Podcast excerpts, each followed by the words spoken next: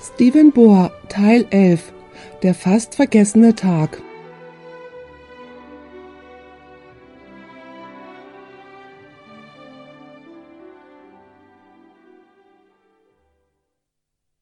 Lasst uns beten.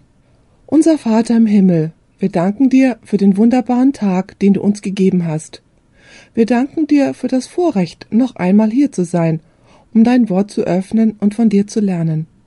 Wir bitten dich, wenn wir nun das Buch 1. Mose und andere Bücher der Bibel öffnen, die sich auf dieses wunderbare Buch beziehen, dass dein Heiliger Geist bei uns sei. Erleuchte unsere Sinne und gib uns zarte Herzen, um das zu empfangen, was du für uns bereitet hast. Wir danken dir, Herr, dass du unser Gebet erhörst, denn wir bitten dies im Namen Jesu. Amen. Ich möchte unser Studium dort beginnen, wo wir das letzte Mal angefangen haben. Und natürlich hat das mit den ersten beiden Kapiteln von 1. Mose zu tun. Was ich jetzt machen werde, ist, dass ich kurz die ersten zwei Kapitel von 1. Mose wiederhole und daraus die wichtigsten Grundlagen, die wesentlich für das sind, was wir in diesem Vortrag behandeln werden, aufgreifen werde. Zuerst einmal möchte ich die Tatsache unterstreichen, die ich schon mehrmals zuvor erwähnt habe, und das ist, dass Jesus Christus der Schöpfer von 1. Mose 1 gewesen ist. Das ist von entscheidender Bedeutung für das, was wir heute besprechen werden. Den zweiten Punkt, den ich möchte, dass wir ihn beachten, finden wir in 1. Mose 1, Vers 31 und Kapitel 2, Verse 1 und 2. Seht, wie es hier heißt. Und Gott sah alles an, was er gemacht hatte, und siehe da, es war sehr gut. Da ward aus Abend und Morgen der sechste Tag. Und nun beachtet Vers 1. Also ward vollendet Himmel und Erde mit ihrem ganzen Heer. Frage. Wann hat Jesus sein Schöpfungswerk beendet? An welchem Tag? Es heißt hier sehr deutlich, dass er es am sechsten Tag vollendet hatte, richtig? Nun lasst uns Vers 2 ansehen. Es heißt hier, und also vollendete Gott am siebten Tage seine Werke, die er machte, und ruhte am siebenten Tage von allen seinen Werken, die er machte. Hier sind drei Punkte, von denen ich möchte, dass wir sie beachten. Erstens, Jesus war der Schöpfer. Zweitens, Jesus hat sein Schöpfungswerk am sechsten Tag beendet. Drittens, Jesus hat am siebten Tag geruht. Wir kommen später in unserer Betrachtung noch einmal darauf zurück. Das ist von entscheidender Bedeutung. Nun möchte ich, dass ihr auch seht, während wir das wiederholen, was wir in unserem letzten Vortrag studiert haben dass der Mensch nichts gearbeitet hatte, um zu bestehen. Ich glaube, dass dieser Punkt deutlich ist. Jesus Christus hat das ganze Werk vollbracht, und als der Mensch erschaffen wurde, wurde er erschaffen, um sich an allem zu erfreuen und in dem Werk zu ruhen, das Jesus gemacht hatte. Anders ausgedrückt, alles, woran sich Adam und Eva erfreuten, das taten sie deswegen, weil Jesus gearbeitet hatte, um es zu erschaffen. Alles, was sie tun konnten, war in dem Werk zu ruhen, das Jesus getan hatte, weil er der Schöpfer war. Ein weiterer Punkt ist, wie wir in unserer letzten Betrachtung studiert haben, dass der Tag mit dem Abend beginnt. Wisst ihr, es waren die Römer, die den Brauch eingeführt haben, dass der Tag um Mitternacht anfängt. Und so folgen wir dem Brauch, dass der Tag um Mitternacht beginnt. Aber biblisch gesehen beginnt der Tag am Abend, wenn die Sonne untergeht. Anders ausgedrückt, als die Sonne am sechsten Tag unterging, da begann der siebte Tag Sabbat, und er ging vom Sonnenuntergang des sechsten Tages am Freitag bis zum Sonnenuntergang des Sabbats, allgemein bekannt als Samstag. Mit anderen Worten, den Sabbat zu halten bedeutet ihn 24 Stunden zu halten. Es ist nicht nur, dass man nur zur Gemeinde am Sabbat geht, es bedeutet, von allen Unternehmungen zu ruhen und in dem zu ruhen, was Jesus gemacht hat und sich an seinem Schöpfungswerk zu erfreuen, das wir nicht gemacht haben. Und dies sollte die ganzen 24 Stunden einnehmen. Meint ihr nicht, dass es wunderbar ist, dass Jesus uns 24 Stunden gegeben hat, um von allem zu ruhen, was wir tun, um uns an der Gemeinschaft mit ihm zu erfreuen und Freude daran zu haben, das zu betrachten, was er geschaffen hat? Ich denke, das ist wunderbar, dass er dies für uns getan hat. Nun möchte ich, dass ihr diese Einzelheiten im Kopf behaltet, weil wir ein bisschen später noch einmal darauf zurückkommen werden. Wir wiederholen kurz. Erstens, Jesus war der Schöpfer. Zweitens, Jesus hat sein Schöpfungswerk am sechsten Tag beendet. Drittens, Jesus ruhte von seinem Schöpfungswerk am siebten Tag. Und viertens, der Mensch hat keine Arbeit getan. Jesus hat alle Arbeit vollbracht und der Mensch hat sich einfach nur an den Früchten dieser Arbeit erfreut. Und fünftens, der Tag beginnt bei Sonnenuntergang. Nun möchte ich, dass wir zu 2. Mose Kapitel 16 gehen. Wir finden dort einige interessante Einzelheiten über den Sabbat in dieser Erfahrung des alten Israel. Wir werden ein paar Verse aus diesem Kapitel lesen, denn sie sind für das, was wir später noch in diesem Vortrag besprechen werden, sehr wichtig. 2. Mose 16, Verse 22 bis 30. Und wir beginnen mit Vers 22. Es heißt hier, und des sechsten Tages. Habt ihr das gesehen? An welchem Tag? Am sechsten Tag. Wird ein sechster Tag in 1. Mose 1 erwähnt? Ja, wird er. Okay. Und des sechsten Tages sammelten sie des Brotes zwiefältig, je zwei Goma für einen und alle Obersten der Gemeinde kamen herein und verkündeten es Mose. Im Übrigen, sie hoben das Manna oder das Brot auf, das Gott vom Himmel vierzig Jahre lang regnen ließ. Nun beachtet Vers 23. Und er sprach zu ihnen, das ist es, was der Herr gesagt hat. Er spricht zu ihnen am sechsten Tag, nicht wahr? Das ist es, was der Herr gesagt hat. Morgen ist der Sabbat, der heiligen Ruhe des Herrn. Wenn er das am sechsten Tag gesagt hat, was würde dann morgen sein? Es würde der siebte Tag sein, nicht wahr? Morgen ist der Sabbat der heiligen Ruhe des Mose. ich habe das absichtlich gesagt. Ich brauche vielleicht eine Brille, aber nicht ganz so doll. Noch einmal. Morgen ist der Sabbat der heiligen Ruhe des Herrn. Was ihr backen wollt, das backt. Und was ihr kochen wollt, das kocht. Was aber übrig ist, das lasset bleiben, dass es behalten werde bis morgen. Im Übrigen, das Manna ist sechs Tage in der Woche gefallen, und sie sollten es an jedem dieser sechs Tage aufsammeln.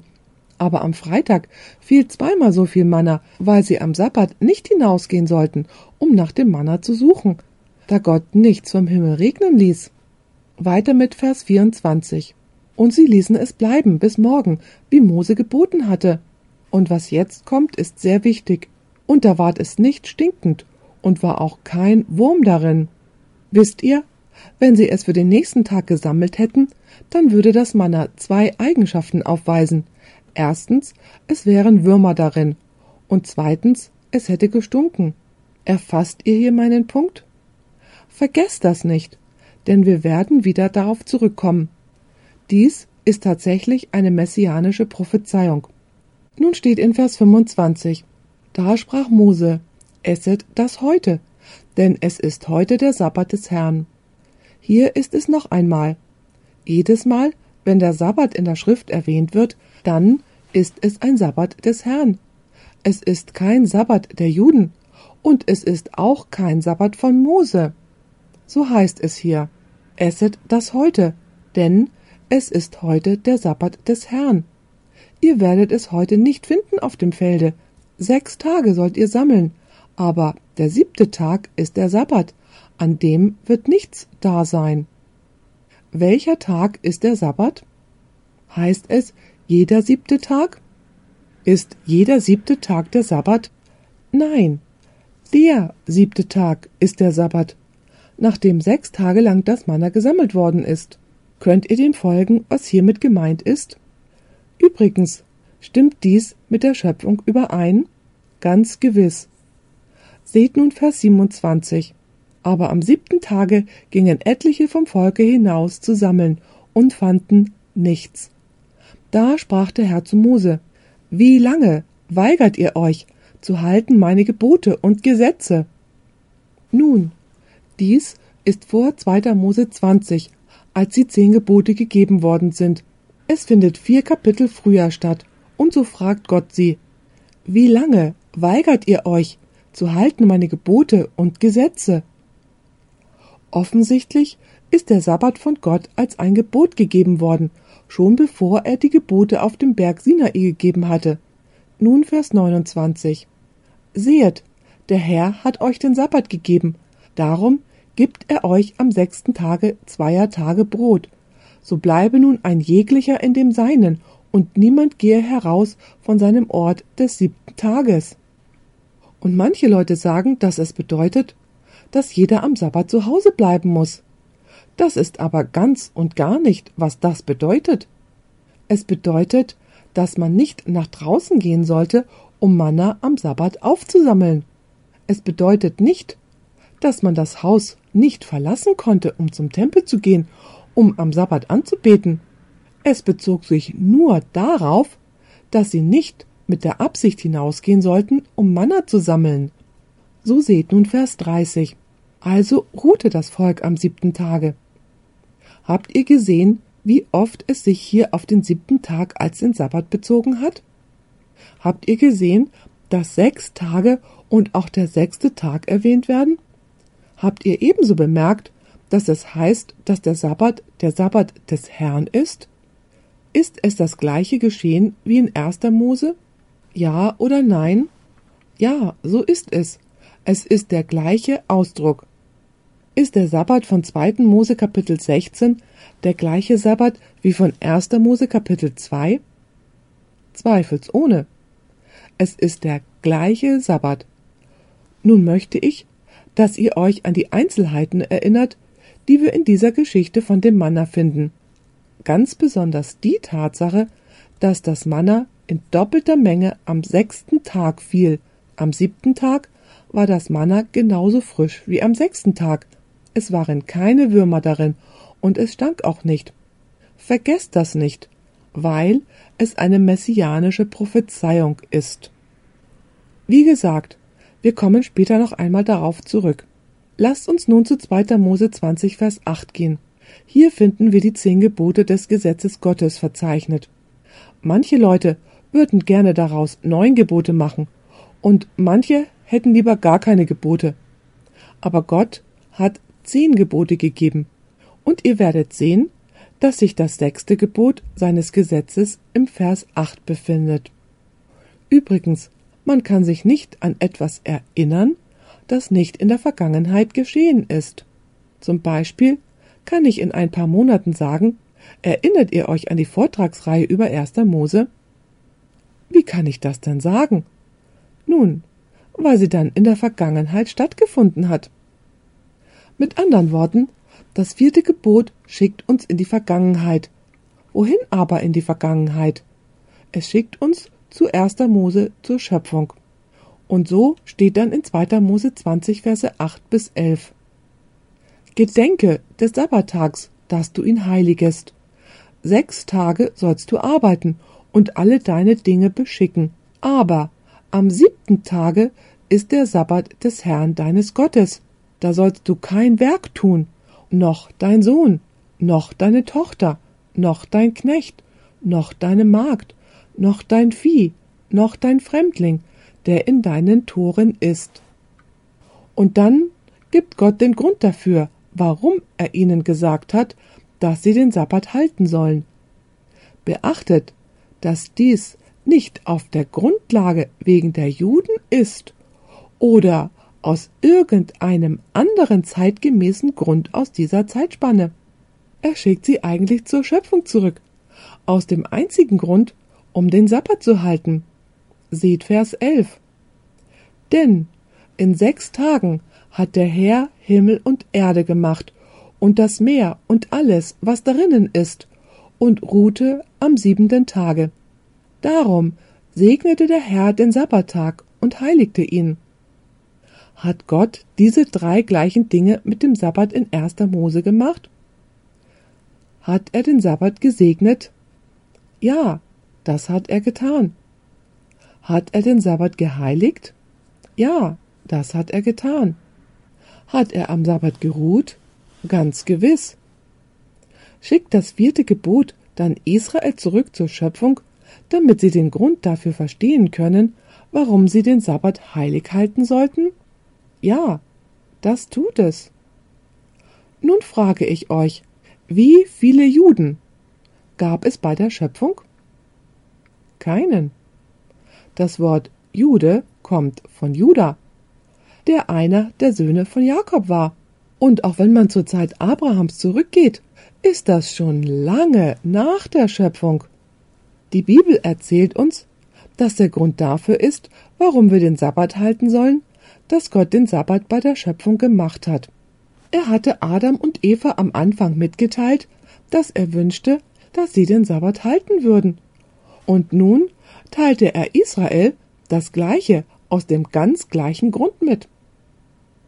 Lasst uns nun zu 2. Mose 31 gehen und einige Begriffe in diesem Kapitel untersuchen, die sehr deutlich vom Sabbat handeln. 2. Mose 31, Vers 15. Es heißt hier, Sechs Tage soll man arbeiten, aber am siebenten Tag ist Sabbat, die heilige Ruhe des Mose. Nein, so heißt es hier nicht. Es heißt die heilige Ruhe des Herrn. Nun möchte ich euch etwas fragen. Welches ist der Tag des Herrn? Wenn ihr nehmt, was die Bibel sagt, dann ist welcher Tag der Tag des Herrn? Der Tag des Herrn ist der Sabbat. So heißt es, die heilige Ruhe des Herrn. Und nun kommt eine sehr entsetzliche Aussage. Es heißt hier, hört gut zu. Wer eine Arbeit tut am Sabbattag, der soll des Todes sterben. Und wisst ihr, was viele Christen sagen?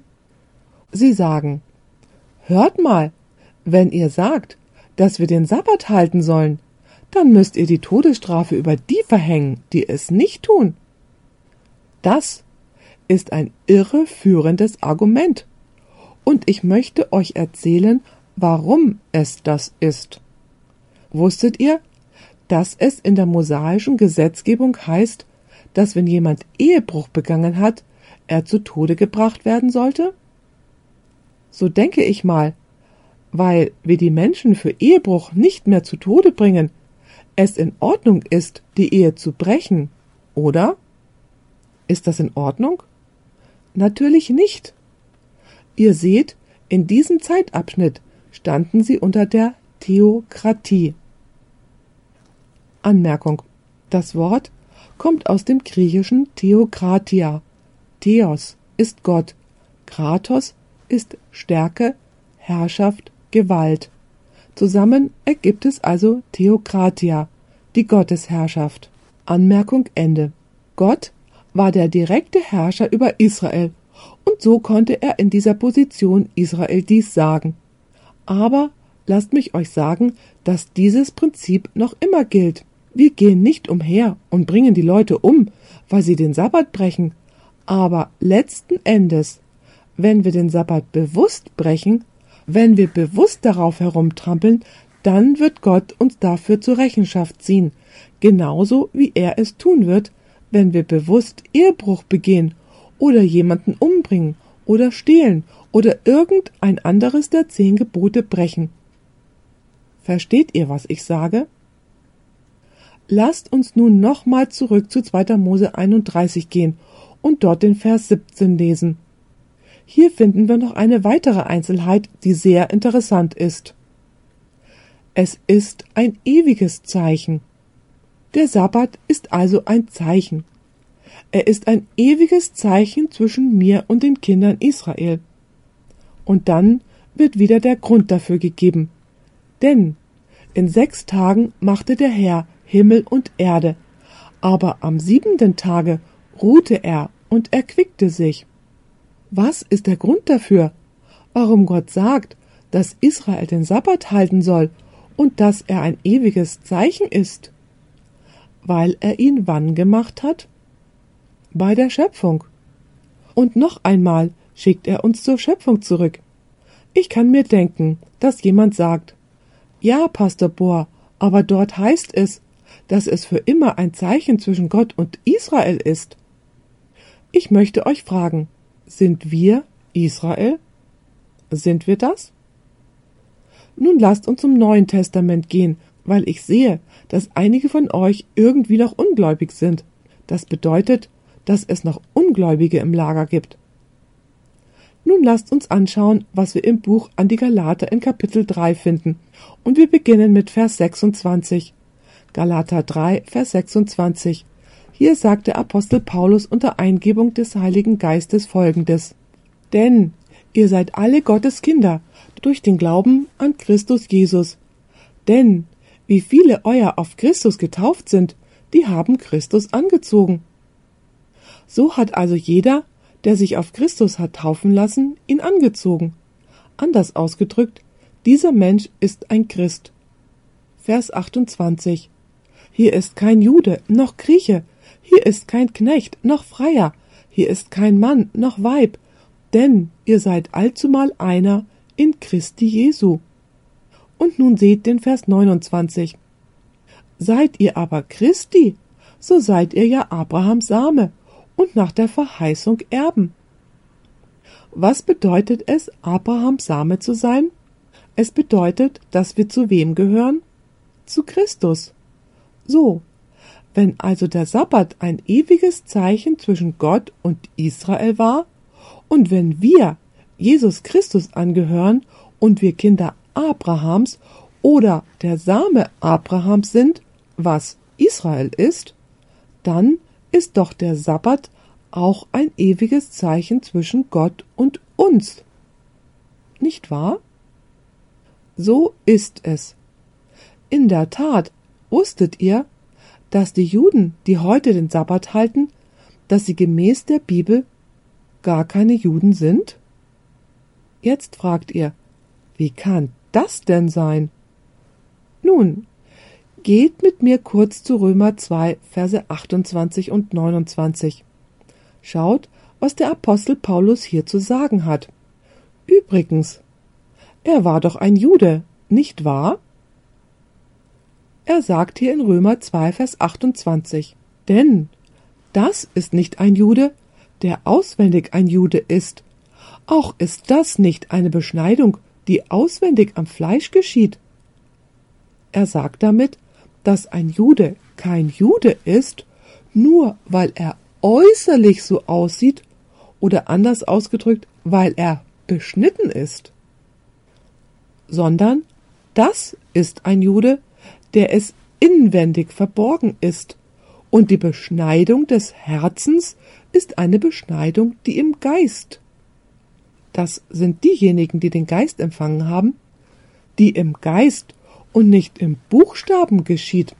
Eines solchen Lob ist nicht aus Menschen, sondern aus Gott. Was bedeutet es also, ein Jude zu sein? Bedeutet es wirklich etwa, ein buchstäblicher Jude zu sein und Jesus Christus zu verwerfen? Der Apostel Paulus sagt, dass das dann kein Jude ist. Ein Jude ist derjenige im Inneren, der zu Jesus bekehrt worden ist und der den Heiligen Geist empfangen hat. Und weil der Sabbat ein ewiges Zeichen zwischen Israel und Gott ist, und wenn wir Israel sind, dann ist der Sabbat auch zwischen uns und Gott ein ewiges Zeichen. Könnt ihr meinen Punkt erfassen? Nun lasst uns zu 2. Mose 31, Vers 18 gehen. Dies ist der Abschluss des ganzen Abschnittes über das Halten des Sabbats und es ist sehr, sehr bedeutsam, dass dieser Vers an dieser Stelle steht. Es heißt also in Vers 18. Und da der Herr ausgeredet hatte mit Mose auf dem Berge Sinai, gab er ihm zwei Tafeln des Zeugnisses, die waren beschrieben mit dem Finger von Mose. Hm, nein, nein, es heißt, die waren beschrieben mit dem Finger Gottes. Nun hört gut zu. Es gibt nur eine einzige Sache in der Bibel, die Gott mit seinem eigenen Finger geschrieben hat, und das waren die zehn Gebote. Alles andere in der Bibel hat Gott einem Propheten eingegeben, der es dann aufgeschrieben hat. Jetzt fragt vielleicht jemand, und wie steht es damit Daniel, wo der Finger an die Wand geschrieben hat? Es steht dort nicht, dass Gott an die Wand schrieb, es war einer der Wächter, die Engel sind. Das Einzige, wie gesagt, was Gott ausdrücklich mit seinem Finger geschrieben hat, waren die zehn Gebote. Meint ihr, dass die zehn Gebote deswegen in eine besondere Gruppe fallen? Meint ihr, dass sie einen besonderen Stellenwert innehaben oder dass Gott einem Schreiber, einem Propheten oder sogar Mose anvertraut hatte, die zehn Gebote aufzuschreiben?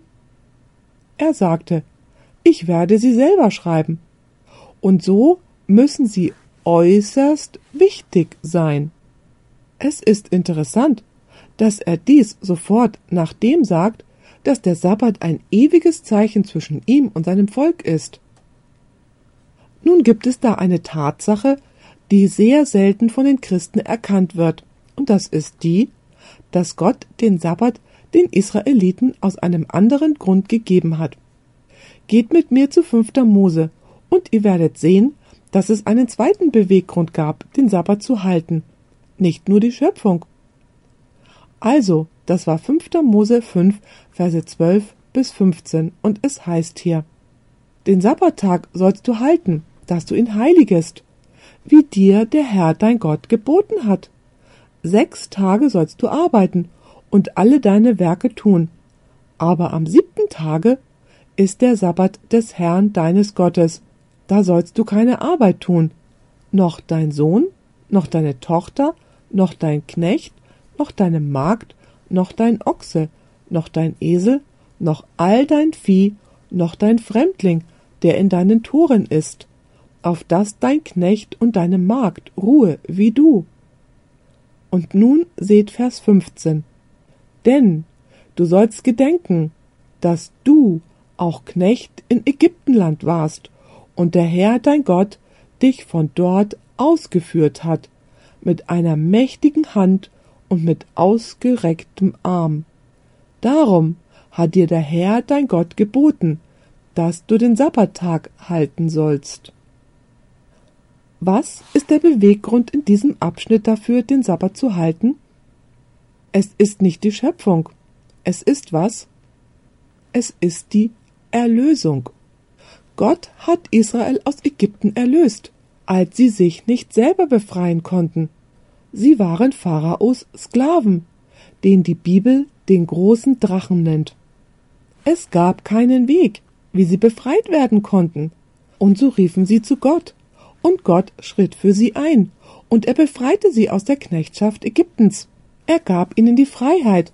Und Gott sagte, damit ihr eure Befreiung aus der Knechtschaft und eure Freiheit gedenken könnt, möchte ich, dass ihr den heiligen Sabbat haltet. Und so hat Gott Israel zwei Gründe für die Sabbathaltung gegeben. Der erste ist die Schöpfung und der zweite die Erlösung. Mit anderen Worten, der Sabbat hat auch den Zweck der Erlösung. Nun, bevor wir diesen Gedanken weiterverfolgen, muss ich kurz durch das Alte Testament gehen. Ich möchte nicht, dass ihr mir glaubt, bis ihr es selber in Gottes heiligen Wort herausfindet. Nun möchte ich noch ein paar andere Texte erwähnen, die sich auf den Sabbat im Alten Testament beziehen, und dann werden wir über das Neue Testament und den Sabbat sprechen. Jesaja 58 sagt uns ganz deutlich, dass der Sabbat sogar im Alten Testament dazu gedacht war, dass er auch von anderen Nationen und nicht nur von Israel gehalten werden sollte. Das Wort Nationen dort ist das hebräische Wort Gojim, das Heiden bedeutet, nicht nur die Nationen im Allgemeinen, sondern die Heiden. Und Gott sagt, dass wenn die Heiden und die Eunuchen den Sabbat halten und sie in Gottes Haus zum Gebet kommen, dann wird Gottes Haus ein Gebetshaus genannt werden. Und für wen? Für alle Menschen. Anders ausgedrückt, der Zweck der Beachtung des Sabbats war nicht nur für die Juden. Und das sogar schon im Alten Testament. Gott sagt, dass es seine Absicht war, dass die Eunuchen und auch die Nationen, also die Gojim, die Heiden sozusagen den Sabbat hielten. Es war also schon Gottes Plan im Alten Testament, dass die Heiden an der Beachtung des Sabbats teilhaben sollten. Geht mit mir nun zu Jesaja 58, Verse 13 und 14. Und der Grund dafür, warum wir die Verse jetzt lesen werden, ist, dass sie uns einige sehr wichtige Prinzipien der Sabbathaltung geben. Es heißt hier also, so du deinen Fuß von dem Sabbat kehrst. Was bedeutet es, seinen Fuß abzukehren? Es bedeutet, nicht auf dem Sabbat herumzutrampeln. Man wird seinen Fuß vom Sabbat fernhalten, dass man ihn nicht mit Füßen tritt. So dass du deinen Fuß von dem Sabbat kehrst, du nicht tust, was dir gefällt an meinem heiligen Tage. Wessen heiliger Tag ist er? Gottes heiliger Tag. Also an meinem heiligen Tage und den Sabbat eine Last, ein Joch der Knechtschaft heißt. Hallo? Das ist nicht, was hier steht. Es heißt hier, und den Sabbat eine Lust heißt. Was ist der Sabbat? Er ist eine Lust, so wie es hier steht. Und den Tag, der dem Herrn heilig ist, ehrest, so dass du ihn also ehrest, dass du nicht tust deine Wege. Beachtet dies. Noch darin erfunden werde, was dir gefällt. Wir tun das, was uns gefällt, in den ersten sechs Tagen. Was dir gefällt oder leeres Geschwätz. Mit anderen Worten, wir verlagern den Schwerpunkt vom Weltlichen wohin? Auf das Heilige, auf den heiligen Sabbat. Alsdann wirst du Lust haben am Herrn, und ich will dich über die Höhen auf Erden schweben lassen und will dich speisen mit dem Erbe deines Vaters Jakob. Übrigens, das ist das Land Kanaan im Alten Testament. Aber Abraham hielt nicht nur nach dem kleinen Land Kanaan Ausschau, er war ein Typus von denjenigen, die nach einer Stadt Ausschau hielten, dessen Erbauer Gott war, wie es in Hebräer 11, Vers 16 heißt. Nun aber begehren sie eines Besseren, nämlich eines Himmlischen. Darum schämt sich Gott ihrer nicht, zu heißen ihr Gott, denn er hat ihnen eine Stadt zubereitet. So sagt Gott. Und will dich speisen mit dem Erbe deines Vaters Jakob. Und dann hat er dies versprochen. Denn des Herrn Mund sagt es. Und so sagt Gott in Jesaja 58, Vers 14. Alsdann wirst du Lust haben am Herrn und ich will dich über die Höhen auf Erden schweben lassen und will dich speisen mit dem Erbe deines Vaters Jakob, denn des Herrn Mund sagt es. Es gibt noch andere Stellen im Alten Testament über den Sabbat. Wenn ihr nun auf mich hören werdet, spricht der Herr, dass ihr keine Last am Sabbattag durch die Tore dieser Stadt tragt, sondern ihn heiligt, dass ihr an diesem Tag keine Arbeit tut. Vers 27 Werdet ihr aber nicht auf mein Gebot hören, den Sabbat zu heiligen und keine Last am Sabbattag zu tragen durch die Tore Jerusalems, so will ich ein Feuer in ihren Toren anzünden, das die festen Häuser Jerusalems verzehrt und nicht gelöscht werden kann. Gott hat gesagt, warum Israel in die Gefangenschaft nach Babylon gegangen ist. Es war deshalb, weil sie den Sabbat nicht gehalten haben. In der Tat, so sagt Gott, dass, wenn sie den Sabbat gehalten hätten, Jerusalem nicht durch Babylon zerstört worden wäre. Jerusalem wäre für immer die Hauptstadt von Gottes Königreich gewesen. Und in Hesekiel 20, Vers 20 heißt es, Meine Sabbate sollt ihr heiligen, dass sie seien ein Zeichen zwischen mir und euch, damit ihr wisset, dass ich der Herr, euer Gott bin. In Nehemia 13, Verse 15 bis 19 steht eine interessante Geschichte. Dies ist nach der babylonischen Gefangenschaft, also nachdem sie gefangen genommen worden sind, weil sie den Sabbat gebrochen haben. Es zeigt sich, dass sie in ihre alten Gewohnheiten zurückgefallen sind, weil Nehemia sagt, dass sie am Sabbat in Jerusalem Geschäfte machten und die Händler kamen von Tyros, einem Gebiet in der südlichen Region vom Libanon. Ich hatte das Vorrecht, einmal dort zu sein. Es war eine recht gruselige Erfahrung, aber ich werde dabei jetzt nicht verweilen. Doch es ist interessant, dass die Leute von Tyros ihre Waren und ihren Fisch verkauft haben. Und so hat Nehemia dagegen protestiert. So heißt es dann in Nehemia 13, Verse 15 bis 19. Zur selben Zeit sah ich Juda Kelter treten am Sabbat und Gaben hereinbringen und Esel beladen mit Wein, Trauben, Feigen und allerlei Last gen Jerusalem bringen am Sabbattag. Und ich zeugte wieder sie des Tages, da sie die Nahrung verkauften. Es wohnten auch Tyrer darin, die brachten Fische und allerlei Ware und verkauften es am Sabbat den Kindern Juda, da schalt ich die Obersten in Juda und sprach zu ihnen, was ist das für ein böses Ding, das ihr tut, und brecht den Sabbattag? Taten nicht eure Väter also? Und unser Gott führte all dies Unglück über uns und über diese Stadt? Und ihr macht es Zorn über Israel noch mehr, dass ihr den Sabbat brecht. Und da es in den Toren zu Jerusalem dunkel ward vor dem Sabbat, hieß ich die Türen zuschließen und befahl, man sollte sie nicht auftun bis nach dem Sabbat. Und ich bestellte meiner Leute etliche an die Tore, dass man keine Last hereinbrächte am Sabbattage.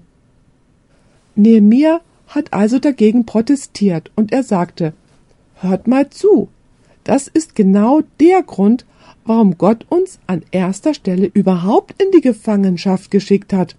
Macht das nicht, denn dies ist der Grund, warum der Zorn Gottes über uns ausgegossen worden ist.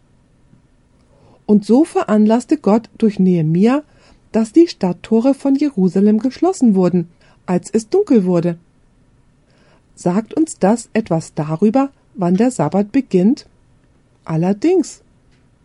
Er sorgte dafür, dass die Tore geschlossen wurden, als es dunkel wurde, damit keinerlei Geschäfte am Sabbat getätigt werden konnten, denn diese Geschäfte dienten zur eigenen Lust.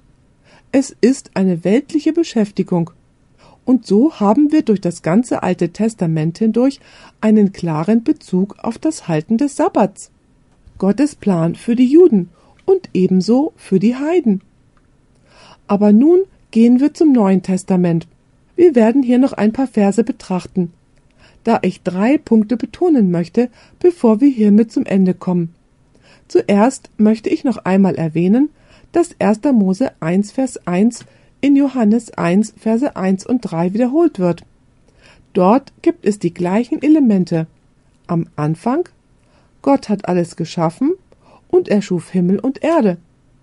Alles ist durch das Wort gemacht worden, das Wort, das Gott ist und von Anfang an existierte. Anders ausgedrückt, Jesus Christus ist unser Schöpfer. Lasst mich euch nun etwas fragen. Würdet ihr erwarten, dass Jesus den Sabbat gehalten hat, nachdem er auf diese Erde kam und den er als Ruhetag eingesetzt hat? Natürlich. Und das ist der Grund, warum es in Lukas 4, Vers 16 heißt. Und er kam gen Nazareth, da er erzogen war, und ging in die Synagoge nach seiner Gewohnheit. Was ist eine Gewohnheit? Es ist eine Sitte oder ein Brauch. Und ging in die Synagoge nach seiner Gewohnheit am Sabbattage und stand auf und wollte lesen. An welchem Tag ging Jesus gewohnheitsgemäß in die Gemeinde oder in die Kirche, die in jeden Tagen Synagoge genannt wurde? So wie er es gewohnt war, ging er am Sabbat in die Synagoge, weil dies der Tag war, den er als den Tag eingesetzt hatte, an dem wir hingehen und vor dem Herrn anbeten sollen. Nun beachtet auch Markus 2, Verse 27 und 28. Der Zusammenhang hiervon ist, dass Jesus und seine Jünger durch ein Kornfeld gegangen sind und die Jünger hungrig waren und sie sich ein paar Ähren vom Feld gepflückt haben. Und natürlich standen die Pharisäer gleich mal wieder parat, um sie zu verurteilen, und sie sagten in Vers 24, Siehe zu, was tun deine Jünger am Sabbat, das nicht recht ist? Anders ausgedrückt, warum gehorchen sie nicht dem Gesetz? Warum ernten sie am Sabbat? Nun, wisst ihr, die Bibel meint damit, dass man seinen Mähdrescher nicht hervorholen soll. Ich weiß, es gab zu der Zeit noch keine Mähdrescher, aber das bedeutet einfach nur, dass man mit dem Mähdrescher die Ernte nicht am Sabbat einfahren soll. Es bedeutet aber nicht, dass wenn man durch ein Kornfeld geht und man hungrig ist, man nicht ein paar Ehren pflücken kann, um seinen Hunger zu stillen. Es war nicht Gott, der diese Regeln aufgestellt hat, das waren die Pharisäer. Und so haben sie gesagt, siehe zu, was tun deine Jünger am Sabbat, das nicht recht ist? Und das ließ Jesus antworten. Der Sabbat ist um des Menschen willen gemacht und nicht der Mensch um des Sabbat willen. Und dann sagt er in Vers 28, so ist des Menschensohn ein Herr auch des Sabbats. Wisst ihr, was Jesus wirklich sagt? Er sagt, ihr braucht mir nicht zu sagen, wie ich den Sabbat halten soll. Ich bin der Herr des Sabbats. Ich habe ihn gemacht. Und wenn es jemand gibt, der ihn festlegt, wie er gehalten wird, dann bin ich es. Er sagte es nicht, weil er der Herr ist, denn er könnte ihn abschaffen. Er sagt vielmehr, ich bin der Herr, und ich lege fest, wie er gehalten werden soll. Er wurde für den Menschen gemacht, ihr aber knechte den Menschen mit dem Sabbat, wo doch der Sabbat zu einem Sabbat für den Menschen gemacht worden ist, so dass er von all seinen Aufgaben loskommt und in mir ruht und sich an der Gemeinschaft mit mir erfreut und darin frohlockt. Ihr habt den Sabbat zu einem versklavenden Gesetz und zu Regeln gemacht, anstatt dessen, wie ich den Sabbat ursprünglich gedacht hatte. Versteht ihr, was ich meine? Geht mit mir nun zu Markus 3 und wir werden uns mal anschauen, wie die Pharisäer es ganz und gar auf die Spitze getrieben haben. Im Übrigen, den Sabbat, den Jesus verurteilt hat, war nicht der biblische Sabbat, es war der Sabbat der Pharisäer. Dies ist der Grund, warum viele Christen den Sabbat ablehnen, eben weil sie denken, dass der Sabbat der Pharisäer der Sabbat des Herrn ist. Sie sagen, weißt du, ich will nichts mit dem Sabbat der Pharisäer zu tun haben. Vergiss es, sie waren Gesetzesmenschen. Der Sabbat war ein Tag des Elends und der Einschränkungen für sie. Aber das ist nicht der biblische Sabbat. Das war der Sabbat der Pharisäer. Versteht ihr, was ich sage? Und sogar heute noch sagen christliche Pastoren, Oh, hör nicht auf diese Leute, die über den Sabbat reden, denn sie wollen dich nur wieder an das Gesetz fesseln, sie wollen dich in die Knechtschaft bringen. Nun, wer hat das Gesetz gegeben? Das hat Gott getan. So, wenn Gott ein Gesetz der Knechtschaft gegeben hätte, was für eine Art Gott ist er dann eigentlich? Das Gesetz ist kein Gesetz der Knechtschaft. Es wird das Gesetz genannt, das vollkommene Gesetz von was? Das vollkommene Gesetz der Freiheit. Lasst uns nun Markus 3, Verse 1 bis 6 ansehen nur um euch ein Beispiel zu geben.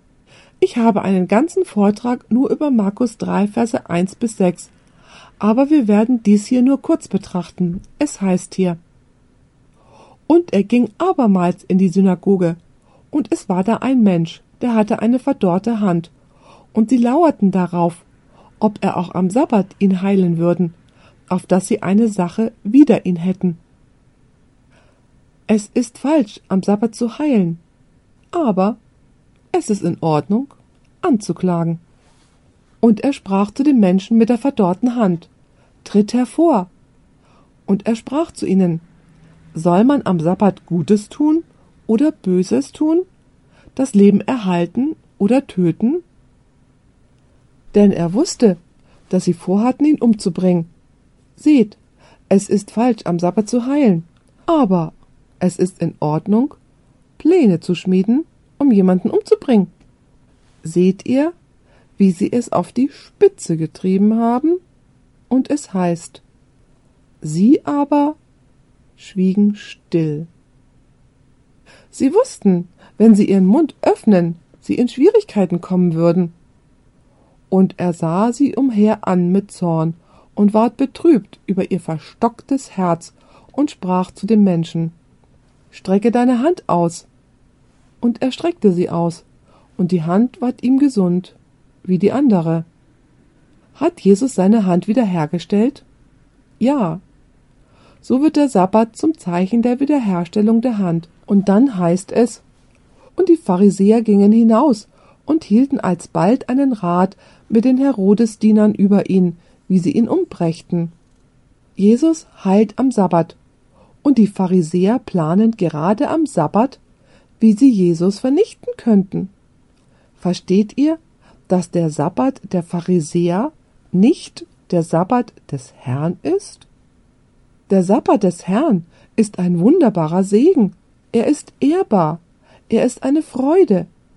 Es ist wunderbar, ihn zu halten und 24 Stunden für die Gemeinschaft mit Jesus aus dem Hamsterrad des Lebens herauszunehmen, um qualitative Zeit mit ihm zu verbringen.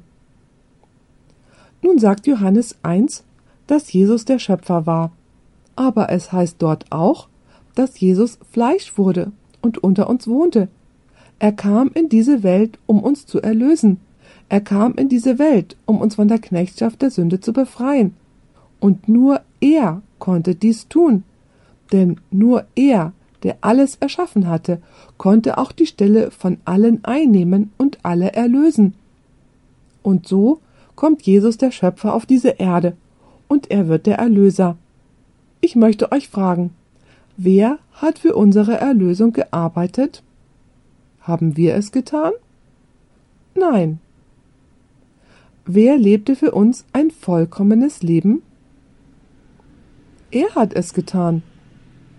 Wer ist für uns gestorben? Wer hat all das vollbracht, was für unsere Erlösung erforderlich war? Es war Jesus.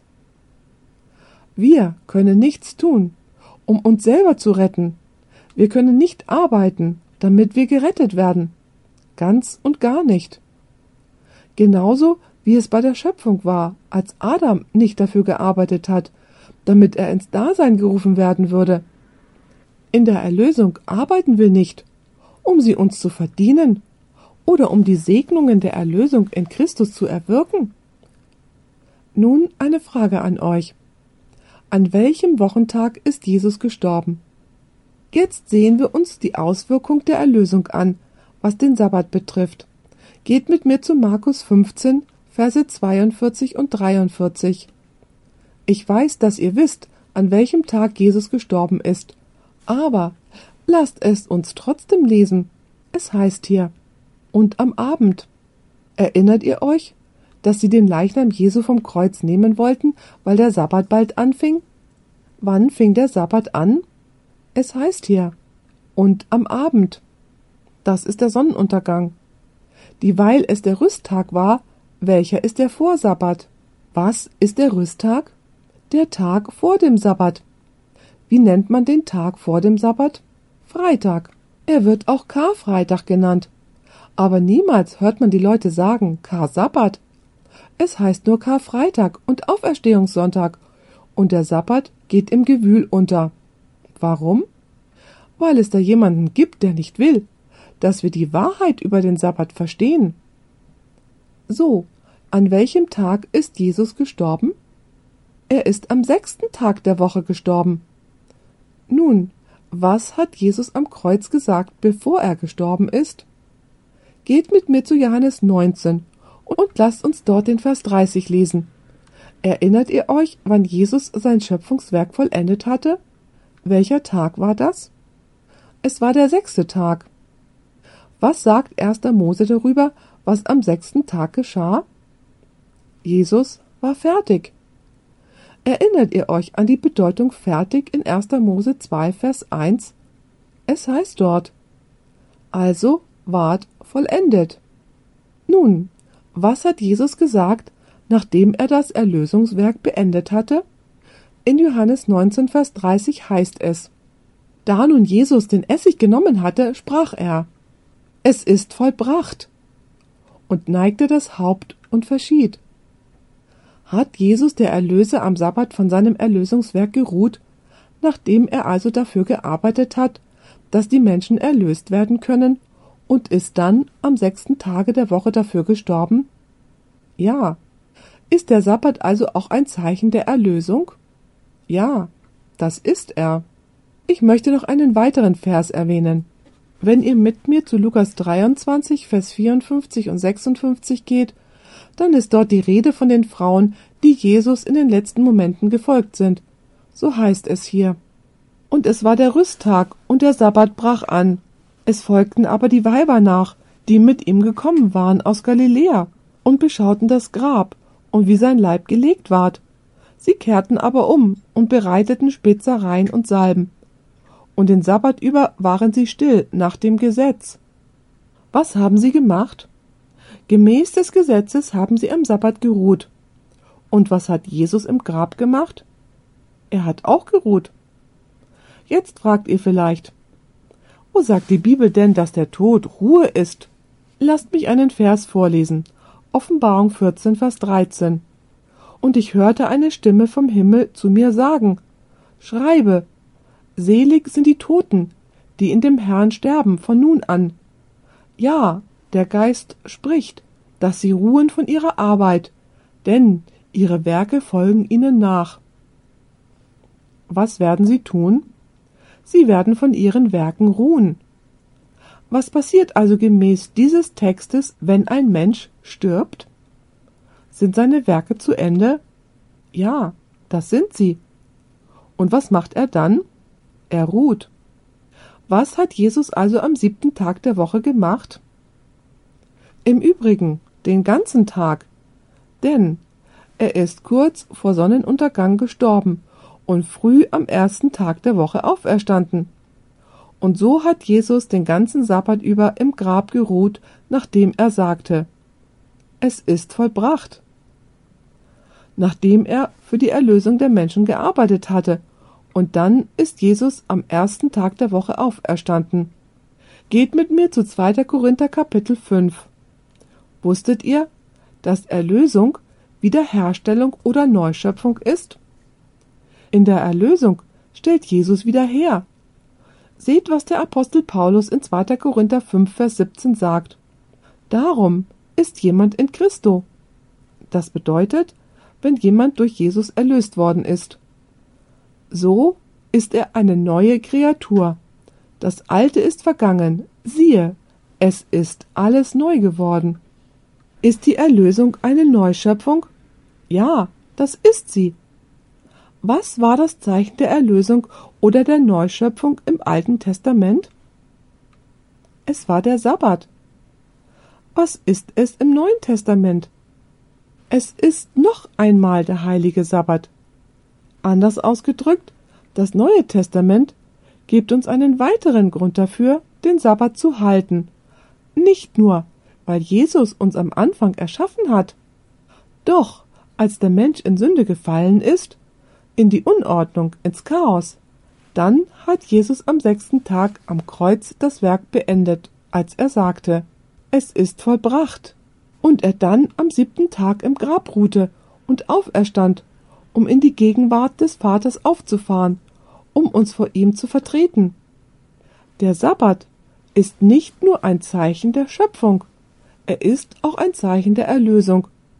Somit gibt es zwei Gründe, den Sabbat zu halten. Erinnert ihr euch an die Manna-Geschichte? Lasst uns das kurz anschauen. Erinnert ihr euch, als das Manna am sechsten Tag fiel, das doppelt so viel wie sonst gefallen ist? Was passierte mit dem Manna, wenn es dann bis zum Sabbat aufgehoben worden ist? Was war nicht damit? Es befanden sich keine Würmer darin und es fing auch nicht an zu stinken. Meine Frage an euch. Wofür benutzen wir die Begriffe Würmer oder auch Maden oder Stinken? Für was würde man das benutzen? Was geschieht mit einem menschlichen Körper nach einiger Zeit, nachdem er beerdigt wurde? Was geschieht dann? Fängt er an zu stinken? Ja, das tut er. Kommen dann auch dort die Maden oder Würmer hinein? Ja, natürlich. Ich möchte, dass wir jetzt Johannes 6, Vers 51 anschauen. Hier wird es jetzt richtig interessant. Jesus spricht hier und er sagt folgendes.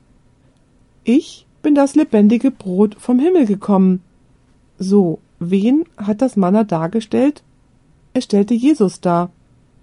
Ich bin das lebendige Brot vom Himmel gekommen. Wer von diesem Brot essen wird, der wird leben in Ewigkeit. Und das Brot, das ich geben werde, ist mein Fleisch, welches ich geben werde für das Leben der Welt. Was stellte das Manna also dar? Stellte es das Fleisch Jesu dar, das für das Leben der Welt geopfert worden ist? Ja oder nein? Ja, so ist es. Geht mit mir nun zur Apostelgeschichte 2 und wir werden etwas sehr Interessantes herausfinden. Hat der Körper Jesu die Verwesung gesehen, als er im Grab ruhte? Was wäre mit einem normalen Körper passiert? Ein normaler Körper wäre in den Verwesungsprozess übergegangen. Aber seht, was David durch den Heiligen Geist inspiriert über den Leib Christi gesagt hat. Apostelgeschichte 2, Verse 25 bis 27. Hier heißt es: Denn David spricht von ihm. Übrigens, dies ist eine Prophezeiung aus Psalm 16, die Jesus betrifft. Ich habe den Herrn alle Zeit vorgesetzt vor mein Angesicht, denn er ist an meiner Rechten, auf dass ich nicht bewegt werde. Darum ist mein Herz fröhlich und meine Zunge freuet sich, denn auch mein Fleisch wird ruhen in der Hoffnung, denn du wirst meine Seele. Das Wort Seele hier bedeutet Leben. Wir können darauf jetzt nicht näher eingehen, aber es heißt, du wirst meine Seele nicht im Tode lassen, auch nicht zulassen, dass dein Heiliger die Verwesung sehe. Hat der Leib Jesu die Verwesung gesehen? Warum nicht? Weil Jesus das lebendige Manna war. Übrigens, dies beweist, dass Jesus am Freitag gestorben ist und dass er am Sabbat im Grab geruht hat. Manche Leute sagen, dass Jesus am Mittwoch gekreuzigt worden ist und am Samstag auferstanden ist. Das kann nicht sein, denn in der Geschichte vom Alten Testament sehen wir ganz deutlich, als das Manna, das am Freitag aufgesammelt worden ist, am nächsten, also am siebten Tag noch genauso frisch war. Jesus starb am Freitag und sein Körper war noch genauso frisch am Sabbat im Grab, er hat die Verwesung nicht gesehen. Versteht ihr, was ich sage? Dies ist wirklich eine messianische Prophezeiung über Jesus, die dort im Alten Testament ist. Nun lasst uns zu Matthäus 24, Vers 20 gehen. Hier wird uns gesagt, dass der Sabbat noch 40 Jahre nach der Himmelfahrt Christi gehalten worden ist. Es heißt hier, Bittet aber, dass eure Flucht nicht geschehe im Winter oder am Sabbat, Jesus sagte das zu seinen Jüngern. Im Buch der Apostelgeschichte wird der Sabbat sehr häufig erwähnt. In Apostelgeschichte 13, Verse 42 und 44 steht, dass der Apostel Paulus den Sabbat mit den Juden und Heiden in der Stadt Antiochien gehalten hat. Es heißt hier, da aber die Juden aus der Schule gingen, baten die Heiden, dass sie am nächsten Sabbat ihnen die Worte sagten. Und als die Gemeinde der Synagoge voneinander ging, folgten Paulus und Barnabas nach, viele Juden und gottesfürchtige Judengenossen. Sie aber sagten ihnen und ermahnten sie, dass sie bleiben sollten in der Gnade Gottes. Am folgenden Sabbat aber kam zusammen fast die ganze Stadt, das Wort Gottes zu hören. Und in Apostelgeschichte 16, Vers 13 finden wir, wie der Apostel Paulus den Sabbat hält als er an einem Fluss war. Mit anderen Worten, es ist noch nicht einmal in einer Synagoge. So steht hier. Am Tage des Sabbats gingen wir hinaus vor die Stadt an das Wasser, da man pflegte zu beten, und setzten uns und redeten zu den Weibern, die da zusammenkamen. In Apostelgeschichte 17, Vers 2 finden wir, wie der Apostel Paulus den Sabbat hielt, als er in der Stadt Thessalonich war. So heißt es. Nachdem sie aber durch Amphipolis und Apollonia gereist waren, kamen sie gen Thessalonich. Da war eine Judenschule. Wie nun Paulus gewohnt war, ging er zu ihnen hinein und redete mit ihnen an drei Sabbaten aus der Schrift. In Apostelgeschichte 18, Verse 1 und 4 sehen wir, wie der Apostel Paulus den Sabbat hält, als er in Korinth war. Danach schied Paulus von Athen und kam gen Korinth und er lehrte in der Schule an allen Sabbaten und beredete beide, Juden und Griechen. Nebenbei erwähnt, Dies waren alles römische heidnische Städte, und doch hielten der Apostel Paulus und Petrus den heiligen Sabbat. Übrigens, habt ihr jemals von dem Apostelkonzil im Jahr 49 nach Christus gehört? Sie haben darüber argumentiert, ob die Beschneidung noch angewandt werden sollte oder nicht. Hört mal, wenn der Sabbat zu diesem Zeitpunkt abgeschafft worden wäre, dann hätte es wahrlich eine riesengroße Debatte darüber gegeben. Aber der Sabbat war gar kein Thema. Die Veränderung vom Sabbat auf den Sonntag war auf dem Apostelkonzil überhaupt kein Thema, was uns deutlich zeigt, dass niemand je auf die Idee gekommen ist, den Sabbat auf den Sonntag zu verlegen, weil sie wussten, dass Jesus dies nicht gelehrt hatte. Nun möchte ich noch den Sabbat am Ende der Zeit betrachten. Offenbarung 16, Verse 1 bis 21 stellt bildlich sieben verwüstende Plagen dar, die alle diese Erde befallen werden. Schreckliche Plagen, die die ganze Schöpfung rückgängig machen werden. Sie werden die Erde in den Zustand zurückversetzen, in der sie vor der Schöpfung war. In der Tat heißt es in Jeremia 4, Vers 23, dass Jeremia die Erde sah, wie sie während der tausend Jahre sein wird, wenn die Schöpfung ins Gegenteil verkehrt sein wird. Ich schaute das Land an, siehe, das war wüst und öde, und den Himmel, und er war finster. Ist das der gleiche Zustand, in dem die Erde war, bevor Jesus sie erschaffen hat? Die gleichen drei Eigenschaften, ohne Form, leer und ohne Licht. Mit anderen Worten, die Erde wird in den tausend Jahren im Millennium in den gleichen Zustand zurückkehren, in dem sie vor der Schöpfung war. Übrigens, wir haben noch einen ganzen Vortrag über das Millennium. Uns wird in Offenbarung 21, Vers 1 gesagt, dass Gott was machen wird? Dass er einen neuen Himmel und eine neue Erde machen wird. Und ich sah einen neuen Himmel und eine neue Erde, denn der erste Himmel und die erste Erde verging, und das Meer ist nicht mehr. Und in 2. Petrus 3, Vers 13 heißt es, wir aber warten eines neuen Himmels und einer neuen Erde nach seiner Verheißung, in welchen Gerechtigkeit wohnt.